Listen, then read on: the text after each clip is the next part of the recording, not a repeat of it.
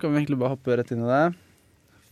Velkommen til denne ukens episode av Abakus sin podkast. Nå kjører vi igjen med intervjuformatet, som vi har blitt så godt kjent med nå etter to gjennomganger. Og denne gangen har vi invitert Sudi her for å snakke litt om hva du har gjort som en abakule. Og det er jo litt interessant å høre med noen som også har fått seg jobb innenfor eh, telekommunikasjon. Noe som man skulle tro var ganske sentralt rundt kommunikasjonsteknologi. Ja, jeg skulle håpe det. Ja. Så hvordan går det med deg, Suddi? Det går bra med meg. Eh, I store og hele. Det går veldig bra. Jeg, eh, eh, jeg var på revyen i går. Eh, litt sånn sliten i hodet, men ellers bra. Ja, jeg fikk hørt noen rykter om at dere holdt på i vanlig stil litt lenger utover natten. Ja, nei, vet du hva? Jeg eh, tenkte på dagen i dag, og så tenkte jeg jeg skulle dra hjem eh, litt tidlig, men det ble et hjem klokka to. Ja. Voksenansvarlig, da? Drar hjem klokka to? Ja, nok. Voksen nok. Ja. Ja, Hva Har det vært eh, deilig å komme opp og bekjent, eller snakke med de som man har snakket med så mange ganger før tidligere? Sånn, Når man ja, Hvor lenge siden er det du ble ferdig med masteren? Um, nå er det fire år, tror jeg. Ja, fire år siden. Ja. Uh, desember 14. Jeg ferdig. Så får du sikkert sjansen til å møte flere kjente da når det kommer opp noe til revy og vårgalla og hele Du, greia. det er kjempegøy, eh, men det jeg innser hver gang jeg er her oppe, er jo at hvor gammel jeg blir. eh, Hvor gammel jeg faktisk er. ja. Eh, selv om jeg ikke skulle føle meg så, så gammel, da. Ikke sant? Ja. Nei, det, jeg føler meg allerede gammel, jeg. Jeg tror også at årene går veldig fort med starten av arbeidslivet. Ja. Har du kjent noe på det? Liksom, føles det som i går du sluttet med masteren? Ja, Eller ja. Eh, fordi jeg, jeg satt og tenkte på det, at det var ikke jeg sånn Flytta ikke til Oslo sånn nå nylig, liksom. Uh, Ja. Men uh, tydeligvis har det gått fire år siden jeg flytta. Tiden flyr, altså. Mm. Jeg fikk litt tilbakemelding sist på intervjuet om at det var, litt uklart hva temaet var og eh, hvem jeg snakket med. Mm. Er Allerede jeg som har vært på utvikling, har nesten følt som blitt borte fra Abakus siden jeg har vært borte i ett år. Ja. Så det er kanskje ikke alle førsteklassinger og andreklassinger som vet uh, hvem du er. Ja. Så kan du introdusere deg med tre setninger. Ja, det kan jeg. Jeg skal ikke forvente at alle vet, vet med det. Uh, men jeg tar jeg kan ta det som er det mest i- øyefallende først. da. Jeg er en brun fyr fra Jæren. Eh, jeg eh, er en sosial nerd. Det, det er ganske beskrivende, eh, vil jeg tro. Eh, og at jeg har en ekstremt variabel alder. Mental alder, mente jeg. Eh, På hvilken måte da? altså det kan gå fra 7 til 70 år, og alt midt imellom. Eh, noen ganger kan jeg være 70 år og ekstremt risikoavers og bare gammel mentalt. Andre ganger kan jeg være så jævlig barnslig at det, ja, det halve hadde vært nok. Har du skaffet deg en partner som greier å håndtere det, da? Ja, det er hun som har, har påstått at jeg, jeg, min mentale alder er sånn. uh, hun syns det er teit med en 70-åring, hun syns det er teit med en 7-åring, men hun overlever. Ja. Mm. Og du har gjort veldig mye i Abakus, og veldig mye i uh, samfunnet. Er det samfunnet, eller er mest i uka? Det, er- det er begge deler, men det var mest i uka. Ja. Mm. Og da kan jeg egentlig bruke min egen Segway over til der til å starte på modellen med hva erfaringene er fra trondheimslivet. Ja. Eh, når var det, du, vi snakket om når du, at du var ferdig for fire år siden, men når var det du startet? 2007. Jeg brukte, 2007, ja. jeg brukte syv og et halvt år. Ja, det har jo litt å gjøre med at hvor mye du har gjort. Ja. Um, hvor mye jeg har gjort, og hva jeg har lyst til å hva jeg har hatt lyst til å få ut av studentlivet. Mm. Um, eller studietida. Ehm, for meg så er det mer givende å ha verv og jobbe på Samfunnet, jobbe på, i Abakus, jobbe i, i uka. eh, og mer lærerikt eh, enn det var å gå på og ta fag på skolen. Eh, og min påstand er at jeg har fått mer ut av de vervene um, i form av læring som jeg bruker i dag, og, altså hver dag, enn den uh, kompetansen som jeg fikk på NTNU. Mm. Altså de, de, gjennom fagene. Vi snakket jo litt om det i stad, men ja, kan du gå gjennom lista med alle de forskjellige tingene du har gjort? I Abakus og Eh, ja, det kan jeg. Eh, I Abakus så var jeg med i Arkom eh, og i Backup. Og så eh, Samfunnet så var jeg med i, eh, klubbstyret. eh, som gjengis, da, så det er ett års verv. Eh, og det, det, handler om å liksom legge til rette for konserter eh, og ting som skjer på fredager. Eh, lørdagskomiteen fikser lørdagene, klubbstyret vi fikser fredagene på Samfunnet. Mm. Eh, og så er det eh, Så var jeg på IT-dagene. Uh, IT-dagene jo, altså uka. 09, 11, 13 og 15. Ja. I 13 så var jeg salgssjef. Ja. I, og satt i ukestyret. Det var kjempegøy. Det er en lang liste, det der, altså. Jeg, jeg, jeg koste meg. Gløgg i hjel. Når du tenker tilbake på dette, hva er liksom det du eh, ser, blir mest glad av å tenke på tilbake? Hva er du mest stolt Hvilke prosjekter var du mest stolt av å få gjennomført når du tenker tilbake i dag? Du, jeg, jeg, har lyst til å dele opp det spørsmålet i to. Fordi uh, i Abakus-sammenheng så er det kanskje så er det nok uh, det at jeg var med å lage første versjon av Abacash. Ja. Uh, og det var det var faktisk siste gang jeg programmerte. Eh, mars 2012. jeg har ikke programmert en linjekode siden. eh, altså, jeg har skrevet config-filer og sånne ting mm. eh, hjemme når jeg er nerd. Eh, men på jobbsammenheng og i skolesammenheng og sånne ting, så var det siste gang jeg programmerte. Mars 2012. Um, ehm, og den koden var selvfølgelig buggy, som mange vet. Uh, så den ble jo måte, skrevet om og kasta. Naturlig nok. Uh, så I don't blame anyone no. for det. Der hadde du også vel Larsen, som liker å scrappe en del og gjøre veldig mye selv, som også kom opp på det prosjektet etterpå. Ja, ja mm. absolutt. Det er selvfølgelig kjempebra. det var til og med en bug der som jeg tror um, Hvis du kjøpte fire ting, og du la til de tingene i liksom rekkefølge, uh, og hvis den siste tingen var eksempel um, en eller annen drink, da, altså Kims et eller annet eh, En eller annen drink som hadde æ ø, å i seg, så fikk du alt over gratis. Ja. Så hvis den var liksom den tredje tingen, så det, fikk du én og to gratis, og den fjerde måtte du betale for. hvis man visste det trikset da, så kunne man fått veldig billig eh, Tydeligvis. Det var et eller annet sånn tegnsettfeil. Det var en bug. Det var ikke meningen å legge inn den, eh, den tingen. Den ble oppdaga og fiksa, men jeg tror Lavamba tapte bitte litt penger i fadderukene. Det var sikkert gøy å skrive kode og som faktisk ble brukt, da. Ja, det var kjempegøy. Mm. Uh, spesielt i en sånt miljø som, nei, som, eh, som La Bamba. Uh, fordi du sitter, med, sitter, i en sånn situasjon der det er fysisk fare for at dataen din blir ødelagt fordi noen heller øl på PC-en. Ikke sant? Det, det er eh, bokstavelig talt en, en, en, en, risiko, så du må måtte bygge, jobbe deg rundt. Um, så det var gøy. Mm.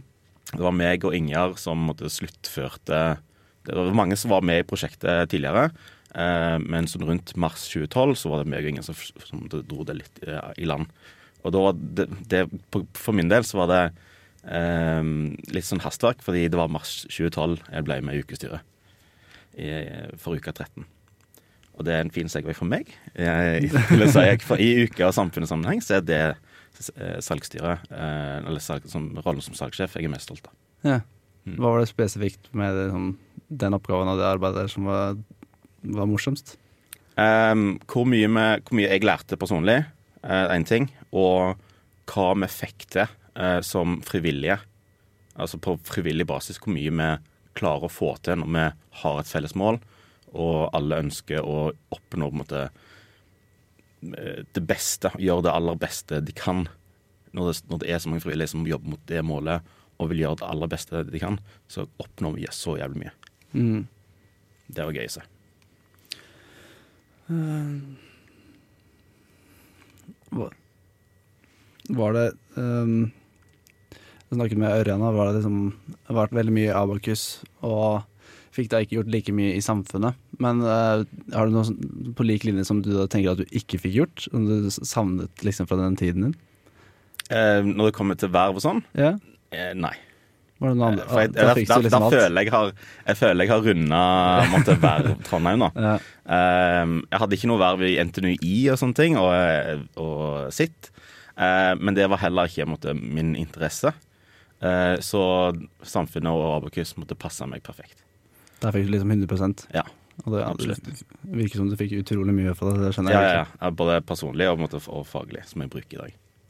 Det er, er, det noe utenom disse vervtingene som tenker at det var Får til litt mer av det også, da? Hvis man tenker utenom verv? Eh, tenker utenom verv. Så er det altså, en ting som jeg kanskje ikke angrer på, men som hadde vært eh, nice to have, liksom, eh, er å dratt på utveksling.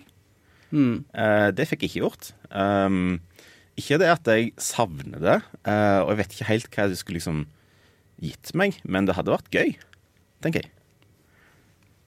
Ja, nei, det, det, det tar veldig mye tid, eller, har man Ja. litt merke til, når man drar Ja. på utveksling. Ja. Og så, altså, hvis jeg kan dra det på den måten, da, så hadde jeg dratt på utveksling, så hadde jeg kanskje ikke møtt Jorid, som er kona mi. Ja. Ehm, og hadde jeg ikke blitt forsinka, så hadde jeg heller ikke møtt henne. Sant? Fordi jeg skulle egentlig vært fra 2007 til 2012, og så hadde jeg vært ferdig i 2012. da. Jeg møtte ikke henne før 2013. Eh, så det er litt sånn Fordi jeg ble forsinka, møtte jeg henne, og fordi jeg ikke dro på utveksling, så var jeg her og kunne være med i Bukukstyret og sånne ting. Sant? Og, ja, det er mye, mye arme menn, men, eh, det hadde vært kjekt Mm. å skvise det inn et eller annet sted. Det er jo nesten det, sånn, jeg tenker på det viktigste, at man er, ser de virkelig positive ting man fikk. For eksempel for min del, å kanskje tape noe valg, og så da fikk man andre utfordringer. Ja. Enn det man først tenkte at jeg må jo inn her og gjøre det. Ja. Men så ble det ikke det nå, og så fikk du bare flere andre forskjellige som var helt nydelige utfordringer som heller ble noe av. Ja, stemmer. Mm. Eh, fordi du vet jo aldri hva du måtte gå glipp av. Eh, du vet hva du har. Ja. Eh, og eh, for meg så er, det så, så er jeg ekstremt fornøyd med det jeg har akkurat nå. Uh, Herregud, jeg har veldig bra med meg. Ja. uh, jeg er ve veldig fornøyd med det jeg har akkurat nå. Så uh, vil ikke på en måte endre Hvis du da antar at alle de handlingene og valgene du har gjort tidligere, har ført til der du er i dag, så vil, så vil ikke jeg ha lyst til å endre på noen ting bakover. på en måte. Hva er de topp tre grunner for at det går veldig bra med deg i dag? uh, OK, uh, det her høres ganske klissete ut, men uh, kanskje den viktigste grunnen er dama. Mm. Uh, hun er fantastisk. Um, definitivt min bedre halvdel. Eh, og nummer to um, Jeg har eh, et fantastisk måte, sosialt nettverk rundt meg. Uh, ekstremt takknemlig for det. Um, tre, nummer tre Hva er det? Jeg vet ikke. De to tingene. De to tingene er jo ganske store, da. Ja. Ja. Så det skjønner man godt. Ja, vi har snakket om det hele tiden, og som du sier, det er folka. Menneskene har så sykt mye å si. Ja. Mm. Absolutt. Når det er, går så bra med deg i dag, da, Mm, eh, greier du å se tilbake på tiden og liksom tenke på hva du savner mest fra disse årene du hadde i Trondheim? Ja, du, det er um, det var, det var et av de spørsmålene som du sendte meg i forkant, som jeg har eh, eh, Som jeg brukte brukt litt tid på å fundere på. Men eh, en ting som slo meg, det er det jeg savner, er kanskje fleksibiliteten eh, som studentlivet gir deg. Mm. Um, for det er jo det er jo en flipside av det, ikke sant? Fordi den, å, å gå ut i jobb gir deg på en måte mer eh, At det gir deg andre ting, det òg. Men eh, den flipsiden av å miste den, så er jo liksom Ja, da er det å havne i jobb. Men eh, å være student gir deg en fleksibilitet som gjør at Nei, shit, jeg stikker på byen i dag. Ikke sant? Vi, stikker, vi tar det forspillet, og så stikker vi ut. Eh, og gjør bare forskjellige ting, og ta, ikke minst ta valg som kanskje påvirker deg seinere, men som du ikke trenger å tenke på påvirkningen av. F.eks. som å søke et verv. Det er, det er et valg uten så stor konsekvens for deg personlig. Det er ikke en så eller stor negativ konsekvens for deg personlig. Mm. Um, så det, dermed så er det veldig enkelt å ha en sånn fleksibilitet. Men samtidig så er det litt sånn Jo, eh, fleksibilitet greit, men eh, eh, eh, Ja, som sagt, jeg har det bra i dag. Ja. ja, det er veldig viktig. Og, Men fra det her så kommer man kanskje naturlig over på litt sånn arbeidssiden av det. Hadde du Mm. noen sånn arbeidsprosjekter, erfaringer og sånn i løpet av disse årene i Trondheim? Du, ja, det hadde jeg. Eh, Jeg var under Studas, eh, og så jobba jeg òg i eh, Gurutjenesten eh, fra 2008 til jeg slutta, omtrent. Oi. Eh, Så jeg hadde, på det meste så tror jeg jeg hadde tre frivillige verv og tre deltidsjobber i tillegg til skole. Shit. Eh, det er mye. Det var, det var en interessant periode. Det ble ikke så mye skole det, det, det, semesteret. Ja. Og er det noen av disse du, Hadde du noen sommerjobber? Ja. Um, jeg hadde sommerjobb første året. Så hadde jeg sommerjobb for uh, der far min jobba, som, eh, som var slumberger. Um, der var jeg sånn, litt sånn potet og alt mulig mann. Jeg fikk lov til å mekke på jetmotorer. uh, eller så, så gassturbiner eller sånne ting. Og levere post og masse greier. Eh, de to neste årene så hadde jeg sommerjobb i Trondheim eh, for Guritjenesten for ID. um, som var gøy, men smått kjedelig. Mm. Eh, og så fikk jeg egentlig relevant eh, jobb. Eh, hos Iterate, eh, hos Itera. Eh, og så var jeg to, år hos, to sommer hos Capra. Mm. Så jeg har hatt noen relevante sommerjobber. Det, det, det var mer enn noen det der, da. Jo, men så har jeg vært her Jeg Har jeg studert mer enn noen år mer enn de fleste, da. Mm. og så vil jeg gjerne høre det om denne overgangen da, fra studentlivet til arbeidslivet. Var det, eh, kanskje, du landet jo da hos Capra, Ja, der du hadde stemmer. jobb de to siste årene. Ja. Hvordan var, var det et naturlig valg å komme dit? Du, med mitt, mitt eh, rasjonale for å velge konsulent eh, først, det var at jeg har lyst til å få så mye og så brei erfaring som overhodet mulig.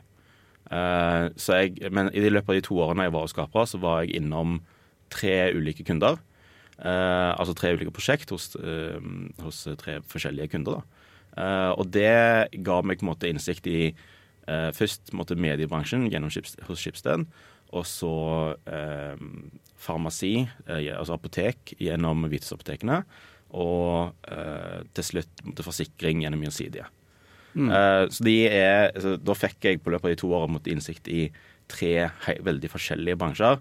Hva som driver de, hva som ehm, hva, de, hva bekymringene deres er, og sånne ting. Hvordan de, hvordan de tenker rundt verden.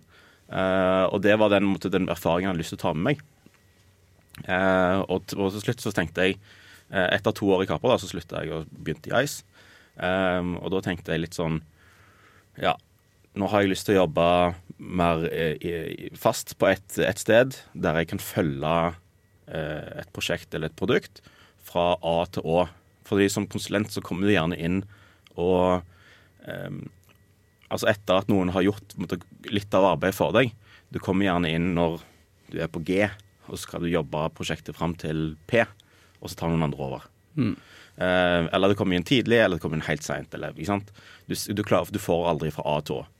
Uh, og det var, det var noe jeg hadde lyst til å gjøre, uh, for rett og slett for å um, få mer eierskap til det jeg lagde, eh, til det jeg gjorde, eh, dag for dag. Eh, og derfor søkte jeg på en måte eh, jobb i en sånn eh, linjeorganisasjon. Eh, ikke linjeforening, men linjeorganisasjon som gjør at jeg kunne jobbe i linja istedenfor i prosjekt. Ja. Mm. Så hva var med tanken med at du hadde lyst på Når man kommer ut av studentlivet, så føler man kanskje litt fersk, og da får masse erfaring på en gang. Ja, ja. Vil du også anbefale akkurat konsulentstarten til andre? Og sånn, Ja. Um, altså ja og nei. Uh, det er opp til hva du sjøl tenker, eller hva du har lyst til å få ut av de første to, tre, fire årene uh, i arbeidslivet.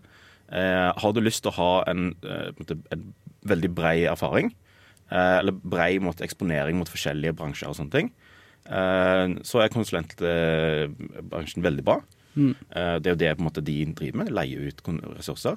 Um, men hvis du har lyst til å spisse deg og dy dy dykke dypere fordi den brede erfaringa den kommer jo på bekostning av at du har ikke så dyp erfaring innenfor hver av de bransjene. Ikke sant? Uh, så jeg kan ikke måte fortelle deg hvordan en forsikringstariff fungerer. Ikke sant? Ja. Men hvis du har virke, virkelig lyst til å dykke inn i et eller annet, så, burde, så er kanskje ikke konsulentlivet noe for deg. Er min mening. Og før vi går litt på hovedtemaet, da, som er veldig naturlig inni det med Ja. Ice, så hva er de største forskjellene? Du var inne på det med frihet, Mm. men er det noen andre store eh, forskjeller du merker når du har kommet til arbeidslivet i forhold til studentlivet? Mm, ja, altså eh, Bare det å begynne å jobbe, på en måte, er jo Så får, får du bitte litt bedre råd. Ja. Um, men det jeg har gjort, er jo at jeg eh, har blitt eh, gjeldsslave. Uh, så jeg har boliglån, billån. Eh, ja. Eh, så det, sånn sett så blir det plutselig eh, Noen måneder så er det faktisk sånn at eh, jeg har mindre disponibel inntekt eh, hver måned enn det når jeg var student, fordi jeg hadde tre deltidsjobber, ikke sant. Mm. På det meste. Ja. Eh, så noen ganger, som, eh, i tillegg til Lånekassen, ikke sant, når jeg var student, eh, da hadde jeg ganske høy disponibel inntekt. Og forskjellen er på et par tusen kroner, men det er interessant å se. Altså Sjøl med leilighet og bil og liksom store leker, da. Eh, store gutter, store leker, eller store barn, store leker og sånne ting. Mm. Eh, så eh, ender du opp på et sted der du har disponibel inntekt etter å ha betalt liksom alle regningene og sånne ting, ender opp på samme sted, da. Som student. Men likevel, du har en bolig, du har en bil, du har liksom alle de lekene du har lyst til å kjøpe deg. Ja. Eh, altså du, Vanligvis måtte du ønske deg ting, ikke sant? så sitter du og sparer og sånne ting. altså Eh, noen ganger så kan du bare Altså nå i dag så kan du liksom Ja, jeg ønsker meg den eh, tingen der. OK, greit, jeg går og kjøper den. Det, det er, mye, det er altså, tenkt veldig mye på nå, som er femteklasse og skal begynne å bli voksen. Mm. Alle disse tingene er hvordan skal hva greia med lån og mm. alt det man skal begynne å betale ned på studielånet du har bygd ja. opp nå. Ja. Det er veldig mye forskjellig der. Jeg kan da også gi noen tips eller anbefale. Altså, er det, skal man kjøpe med en gang, eller er det gjøre på det? Er du 100 fornøyd med hvordan du gjorde det? Eh, for jeg var, jeg var, ekstremt heldig og eh, fikk overtalt foreldrene mine til å hjelpe meg med å kjøpe bolig i Trondheim når jeg flytta hit. Mm. Eh, så jeg hadde da en leilighet i Trondheim eh, der jeg bodde i syv og et halvt år. Eh, og når vi solgte den, så brukte jeg eh, det vi fikk av gevinst på den, til, som egenkapital i Oslo. og så fikk jeg hjelp av foreldrene mine der òg. Eh, men da skulle jo Jorid flytte ned, ikke sant.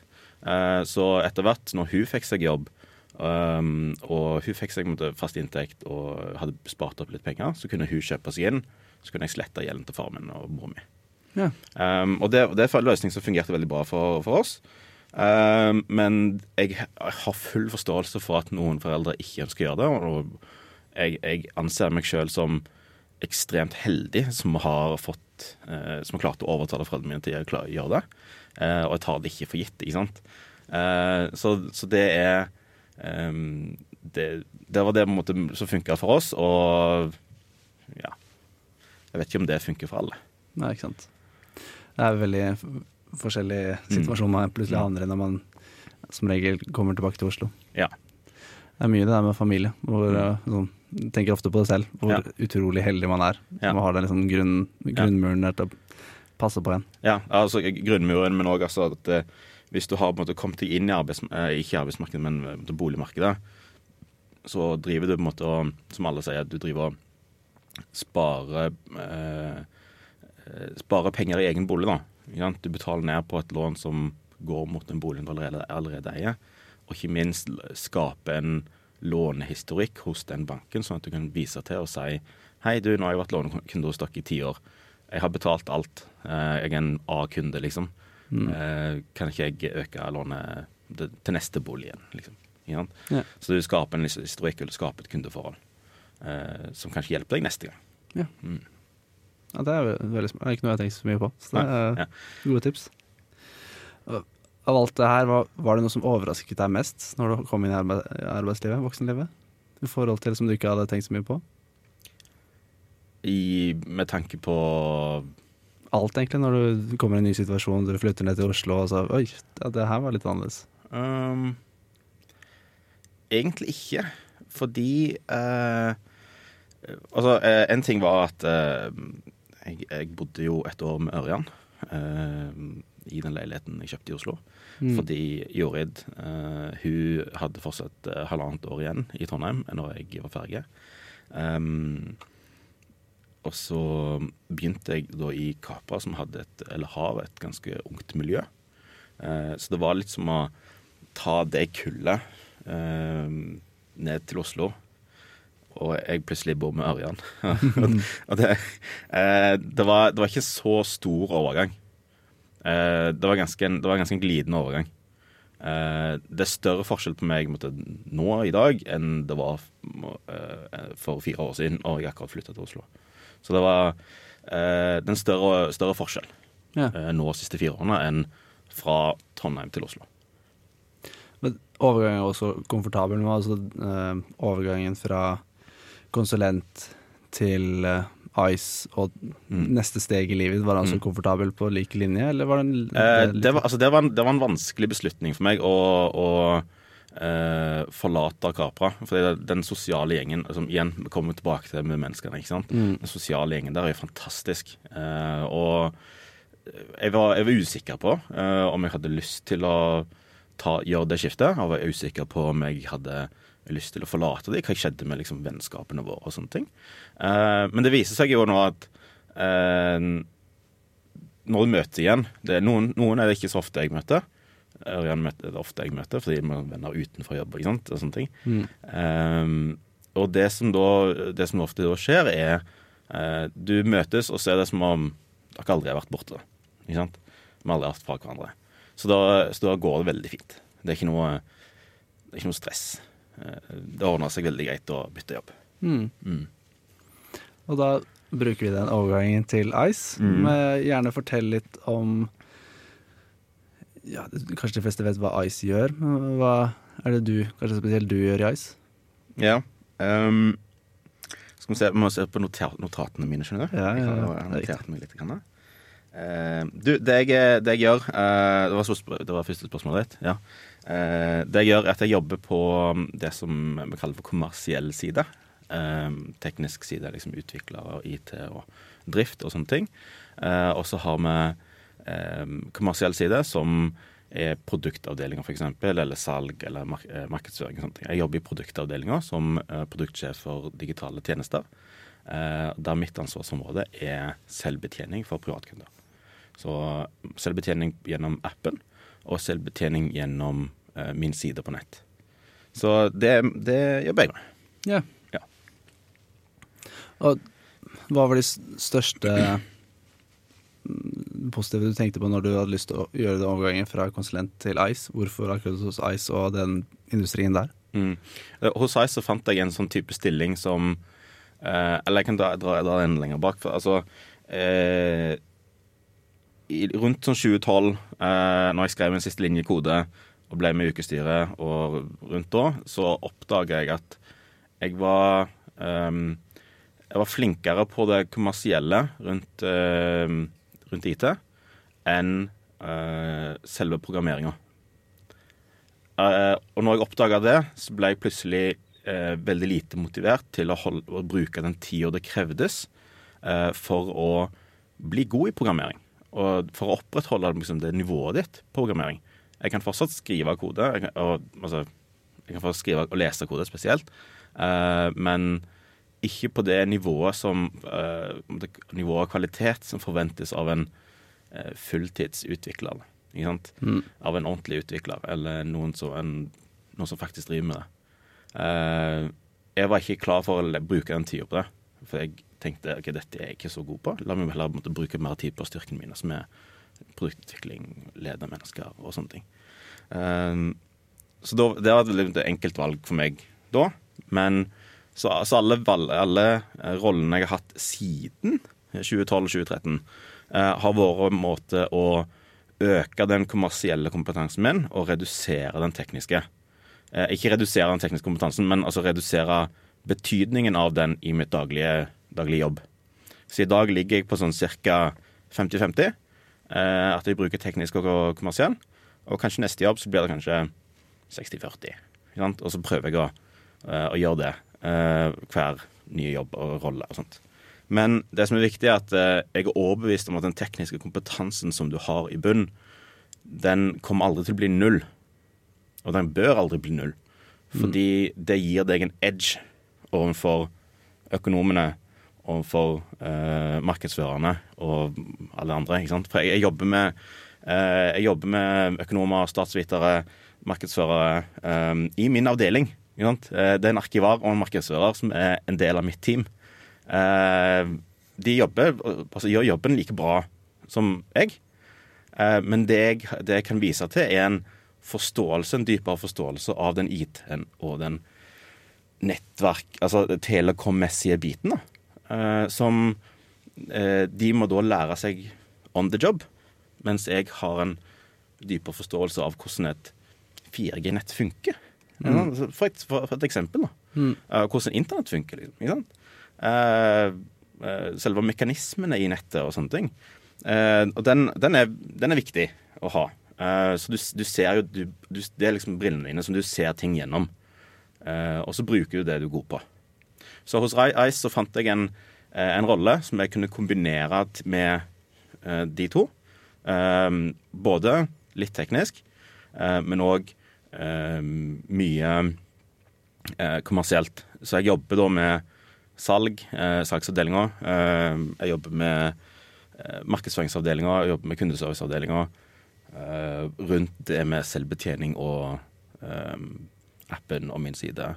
Hvordan vi kan gjøre ting bedre for kundene. Ja. Kjempegøy. Ja, det går igjen gang på gang på gang, det her med å ha den der teknologiske jeg si, Bruker jeg grunnmuren, da? Men sånn, da får man, tenker man på så mye på en helt annerledes måte enn de, de gjør de som, som kommer direkte ut fra BI, eller som kommer direkte ut fra Ja, andre ja. felt. Ja, fordi jeg er Det her er kanskje litt pompøst å si, men siden det er Abakus podkast, så kan jeg si det. Ja. Eh, for jeg er overbevist om at eh, det er enklere å lære seg økonomi, det er enklere å lære seg markedsføring, enn det er å lære seg teknologi. Det er jeg fullstendig overbevist om. Ja, altså jeg har jo også Jeg har jo uh, hørt egentlig det hele tiden, også i alle år, Ja. at det er en greie. Men først nå som man kommer liksom på sommerjobbene Mm. og samarbeider med folk som ikke er da i den bob- Mm. Abakus-boblen, Ja, ja, og ser hvor unaturlig det er for dem å tenke på denne måten i det hele tatt. Ja. Fordi den, den, eh, det viktigste du lærer, da, er jo problemløsning. Ikke sant? Og det viktigste du lærer eh, i Abakus og i andre verv, er samarbeid. Mm. Hvordan jobbe med faglige ting. Hvordan jobbe med konkrete mål uh, i uh, en setting som, som et team for, et, for andre. For, en, for noen brukere. Du tenker på, altså Som Arkom så lager du noen for, så lager du et arrangement for noen brukere, selv om du ikke måtte gjøre en brukerundersøkelse og eh, prøve å finne ut hva de egentlig ønsker. Sant? Så, eller ja, en forsnakkelse eller et eller annet sånt. Men eh, poenget er jo da at du, du Når du har lært alle disse tingene eh, fra NTNU som sivilingeniør, så kommer du ned til eh, jobben din, og så møter du økonomer, og møter du eh, markedsførere. Eh, det tar Jeg vil påstå at det tar deg kortere tid eh, å lære deg akkurat nok om økonomi, akkurat nok om markedsføring, akkurat nok om kundeservice, akkurat nok om salg, til at du kan fungere minst like bra som de. Du har kanskje ikke den dybdekunnskapen i økonomi og finans som en siviløkonom. Eh, og det er kanskje ikke det du trenger i den jobben din heller, men du har akkurat nok til å kombinere den kunnskapen du har fra før om IT, med ny kunnskap om økonomi eller markedsføring. Mm. Så det er min påstand. Det er enklere å lære seg økonomi og, og andre ting enn det er å lære seg teknologi. Jeg er helt enig der, og det her er jo superinteressant, så jeg tenker at det kan vi snakke om veldig, veldig lenge. Men vi prøve å dra, dra tilbake til Ja. det med hovedtemaet telekommunikasjon. Ja. Er En av hovedgrunnene jeg hadde lyst til å snakke med om det, er jo fordi jeg syns det er, egentlig er superspesielt at det er ikke flere som tar den veien, selv om liksom kommunikasjonsteknologi nærmest het eh, ja. og eh, akkurat Ja. det her tidligere. Ja, ikke sant? Jeg, er, jeg skulle ønske flere jobba Altså flere fra Comtec jobba eh, hos Ice, for eksempel. Mm. Eh, det er folk fra data, for eksempel, som har, som har eh, og informatikk på NTNU, som jobber som utviklere hos Ice. Eh, men det er to stykk, altså meg og ei annen, som jobber i produkt med produktutvikling av telekom-tjenester. Mm. Eh, og det syns jeg er veldig rart. I, spesielt i produkt en avdeling på tror det er sånn 20-30 stykk. Eh, der du har som sagt alt fra altså Det er noen elektroingeniører og det er noen folk som har gått telematikk og sånne ting. Men eh, hvis du tenker på Comtec isolert, så er det to stykk. Meg og Jan. Ja. Det er lite for et telekomselskap.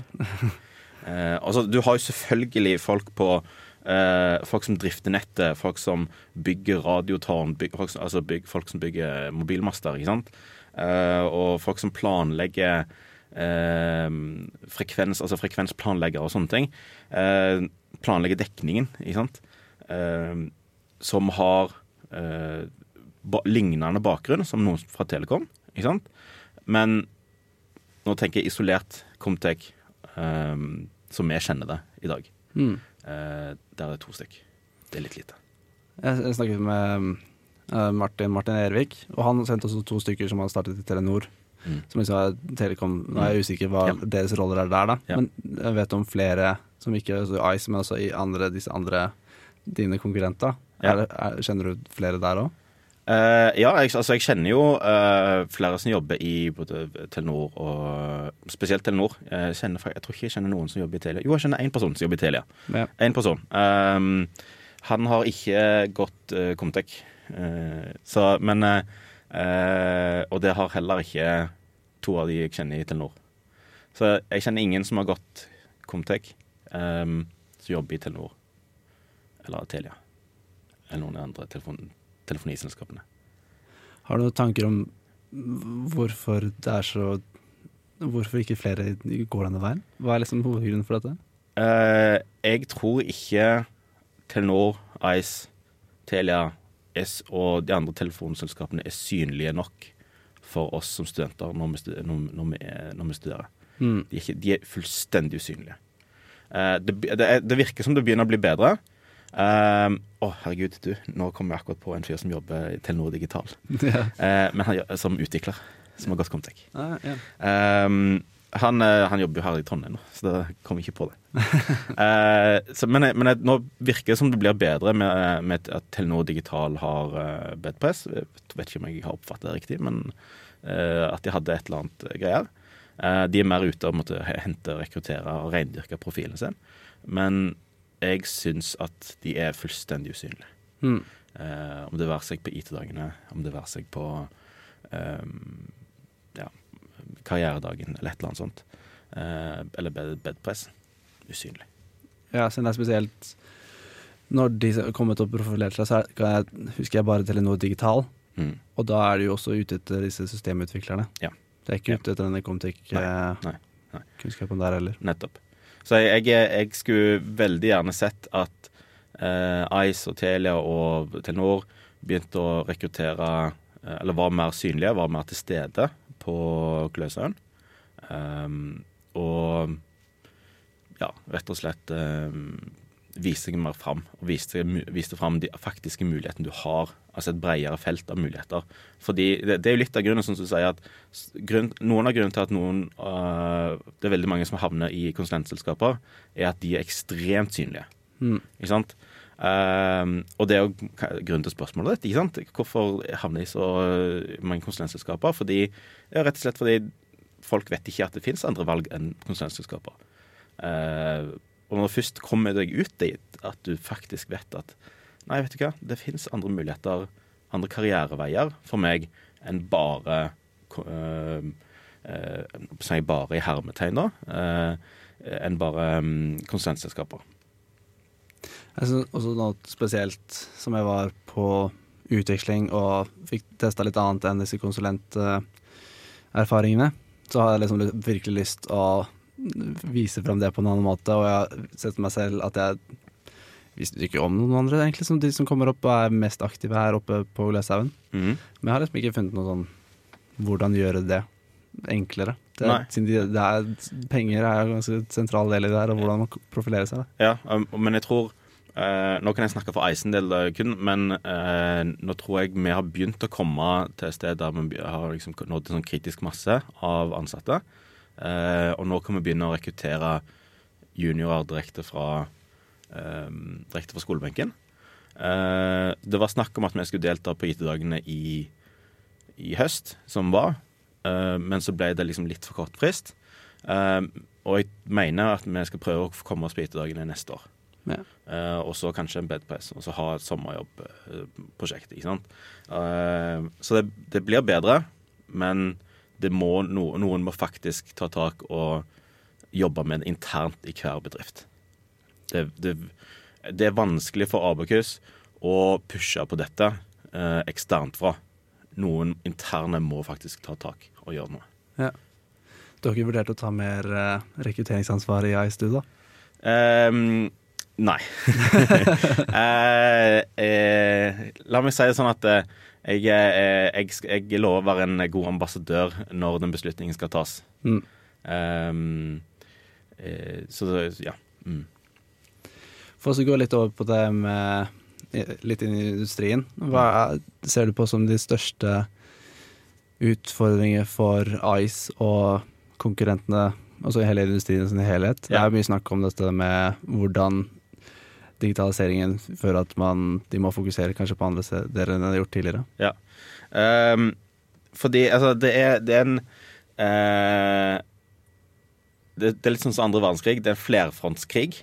Du har eh, Western Front og Eastern Front. Har, uh, det er det er en multifrontkrig, for du kriger på Du kriger med Google på den ene sida, kriger med Telenor på den andre sida, og Komplett på den andre sida. Ikke sant? Ehm, og nå kan jeg, nå kan jeg måte si det, og anta at folk vet det. Altså, du har um, Du har MNO, som er Mobile Network Operator, ikke sant? MVNO, som uh, Hva var det? Eh, Mobile Virtual Network Operator, og SP, Service Provider. Uh, så S, uh, SP er liksom de som leier både kjernenett og radionett av andre, f.eks. Telenor. Eh, SP er da komplett mobil, eh, Chili mobil, ikke sant. Eh, de som leier de, de to spesielt tjenestene. MVNO er de som har eh, sitt eget kjernenett, eh, men leier radionettverket av andre. Og så er det MNO, Mobile Network Operator, som eier begge deler sjøl. av de så finnes det tre i Norge. Eh, Telenor, eh, Telia, Ice. I, den re- størrelsesrekkefølgen. Mm. Eh, Eller ja, etter der. Um, så det Utfordringen der er at når vi for Eistos, vi må bygge, vi konkurrerer med Telenor når vi skal bygge eh, master, eh, dekning. Eh, vi konkurrerer med eh, Telenor og Telia når vi gjør det. Eh, og så konkurrerer vi med Telenor, Telia, Komplett, Chili, eh, Fonero, Dipper, alt annet når vi skal sette priser. Eh, og vi konkurrerer med Google, Amazon, med Apple når vi skal tilby eh, SMS-tjenester, eh, ringetjenester. Eh, vi konkurrerer med WhatsApp, ikke sant. Eh, du har de som leverer over the top-tjenester, som eh, der vi risikerer å bli kun en bit-transportør. Flytte ene biten fra det ene, stedet til det andre. Eh, fordi det tel Telco har tradisjonelt tjent penger på, er at folk ringer. At folk sender SMS eh, og MS, og faktisk bruke de tjenestene som er spesifikt for ehm, Som er spesielt for telco-folk, eller telco-selskaper. Eh, det er måte, såkalt green button technology. Eh, og det kommer av at eh, ringeknappen, den er eh, grønn eh, på eh, i Apples eh, telefonapp, ikke sant? Um, fordi vi- det, det, det er liksom eh, synonym for å gjøre ting så native som mulig. Uh, og ringeknappen, du får det ikke mer native enn ringing på telefonen din. Men det finnes over the top-tjenester som ringing via Snapchat, ringing via Messenger, ringing via WhatsApp, ikke sant? Um, så alle de tingene går jo da på databæreren, og ikke på talebæreren. Ikke tale, det er ikke tale, det er data. Ja. Um, så det, det er kanskje den største utfordringen. Det er tempoet, og at det finnes mange vi konkurrerer med som i en multifrontskrig. Um, ja. Er det noen Nå vet jeg ikke hvor mye du kan snakke om strategien fremover, men er det noen Vurderer man å gå inn på nye felt, eller er det å gjøre den kjernevirksomheten enda bedre? Er det der man fokuserer? Uh, du, det Skal jeg si om det? Uh, du, gjør, du prøver å gjøre Fordi det er en multifondskrig, så prøver du å gjøre mange ting samtidig. Mm. Eh, og det er spesielt utfordrende for Ice fordi vi er så små sett i forhold til eh, Telenor og Telia. Um, en av de tingene som vi da prøver å gjøre, er å både forbedre det vi allerede har, men òg innføre nye ting som Unnskyld. For, som f.eks. eh, RCS, som er Rich Communication Services. Um, som skal muliggjøre Det er liksom neste versjon av eh, SMS og MMS. Um, vi snakker om å integrere tale og web, eh, altså tale på web, gjennom WebRTC. Eh, som er at du kan ta imot en samtale, flytte en samtale fra, den, fra mobilen til PC-en din, til klokka di, til alt annet som støtter WebRTC. da. Eh, så lenge det Men det krever at måte, vi har Eller vi vil da kreve at vi har kontrollen over hvor samtalen blir terminert. Det er, viktig, det er en viktig ting. Eh, samtalen forankres et sted i nettverket. Mm. eh, i, en, eh, i kjernenettet et sted. Om den forankres eller termineres et sted i kjernenettet, så tjener vi penger. Eh, hvis den ikke forankres i vårt eh, kjernenett, så tjener vi ikke penger på det. Veldig enkelt forklart. Eh, Ja, nå tror jeg det er jo nok å ta i utfordringer der, da. Ja. nå, er, det noen punkter vi ikke har gått gjennom på telekommunikasjon som du har, eh, har i bakhodet som vi burde gå gjennom? Um, nei, egentlig ikke. Altså, Telekom er jo eh, et veldig bredt område. Du kan jobbe med frekvensplanlegging om du ønsker det, eller jobbe med produktutvikling, sånn som jeg driver med, hvis du ønsker det. ikke sant? Mm. Fordi eh, folk, jeg tror folk må eh, At vi som eh, har studert Comtec, vi må innse hvor, hvor, hvor mye vi faktisk kan gjøre. Hvor mange muligheter som faktisk finnes for oss. Jeg tror det er utrolig viktig å få fram. At vi, vi har så mange forskjellige muligheter vi kan gjøre. Du kan sette deg inn i frekvensplanlegging for eksempel, hvis du ønsker det. Eller du kan drive med utvikling hvis du ønsker det, selvfølgelig. Ikke sant? Eh, Det var bare ikke noe for meg.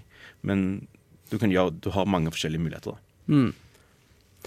Ja, alt det her er jo superinteressant, og jeg vil tro at eh, du har solgt det her godt til folk som kanskje ser etter utfordringer innen dette feltet, til ja, folk som hører på. Så bare å kontakte meg hvis du har noen spørsmål, eh, som, altså du som hører på. da. Eh, Hvis du har noen spørsmål så om rundt telekom og jobb i telekombransjen, så er det bare å kontakte meg. Og da har du også informasjon om hvem denne, denne karen er, vi er sikkert rett under uh, lydopptaket, der du hører også. Topp.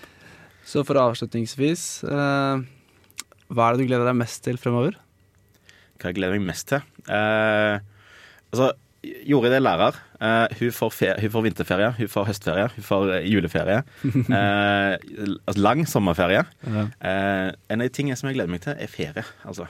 Eh, tempoet rett etter nyttår har vært helt sinnssykt. Um, som vi lanserte med datafrihet? For, som et delvis svar, eller vårt eget tilpassa svar på Chili sin fri, fridata og sånne ting. ikke sant? Mm. Uh, og det, tempo, og det lagde, Vi begynte på det dagen etter nyttår, eller eh, 2. januar, og lanserte typ 5. februar. Uh, så det tempoet Oh my god. Det var ganske heftig. Uh, og det har vært høyt i, i februar òg, og det kommer til å være høyt i mars. Så jeg gleder meg til påskeferie. Jeg gleder meg til sommerferie. Man kan altså, tror jeg, se utenfra se at det har vært ganske gøy tempo. Det har vært en veldig stor også, reklamekampanje. Ja. Alle ja. har man lagt merke til. Ja. Og bak den så Ja. vil jeg tro også at det ligger mye arbeid. Apropos det, eh, apropos den reklame, reklame jeg, må, jeg må bare si det. Ja. Eh, fordi når du, når du som selskap har klart å få Resett.no til å disse deg, så mener jeg at du som selskap har gjort noe sinnssykt bra. altså det, eh, Vi kom med den nye reklamekampanjen eh, midten av januar omtrent. Heldigvis er vi forskjellige. Mm. Den resonnerer så bra eh, for meg. Jeg syns den er en fantastisk bra reklamekampanje. Men så har Resett klart å måtte, ta et bilde av eh, ei dame på Ice-reklamen med, med hijab. Um, og la, altså det står Amina har 3156 et dager eller noe annet eh, i Snapstreak. Og så har jeg tatt bilde av henne og laga en artikkel rundt hvordan, eh, Ice eh, støtter islamifisering av Norge. Oh my god. altså Når vi så den artikkelen på jobb, så lo vi godt. Ja, det går vel litt på det der at du kan enten ligge der du ligger og ikke bry noen, eller så kan du ta litt stand og faktisk faktisk gjøre godt arbeid, Ja. og så kommer du alltid til å få litt eh, Ja, og, og, og, jeg, og jeg tror at det er eh, ballsy eh, å ta sånn stand, standpunkt. Um, og jeg tror det er noe Ice eh, tjener på. hmm. Ja, Det har vært utrolig interessant å høre på alle de tingene, så da skal jeg da ta min vanlige avslutningsgjennomgang av det praktiske. Det var hyggelig å, hyggelig å prate med deg. Ja, takk i like måte. Og for at du skal få med deg både denne og også fremtidige episoder av Ab- Abakus sin podkast, så kan du finne det på Apple Podcasts eller Spotify og eller Soundcloud. Om du har lyst til å se mer eller komme i kontakt med oss, så er det bare å finne oss på Facebook-pagen til Abakus, og så har til og med Podderud-teamet en Instagram-page hvor de legger ut mye kreativt. og vil du eh, komme i kontakt med oss på andre måter, kanskje du har tilbakemelding på at dette intervjuformatet er ekstra interessant, eller om det er andre vi kan intervjue, så gjerne kontakt oss på podcast.abakus.no. Og så har vi også en hashtag podcast på Slack Workspace. Til Abakus. Da, tusen takk til Kristian her nå, som har måttet uh, sitte her i to timer, uh, kanskje litt fyllesyk. Setter vi utrolig pris på. Og takk, Kristian. takk til Si Sharp for jinglen vi bruker på alle episodene. Og selvfølgelig tusen takk til deg, Sudi, for at du tok tiden din Bare hyggelig fra uh, besøket her i Trondheim til å komme litt og snakke med oss. Det var bare hyggelig. Så vi snakkes. La, la, la, la, la, la, la, la, La, la, la,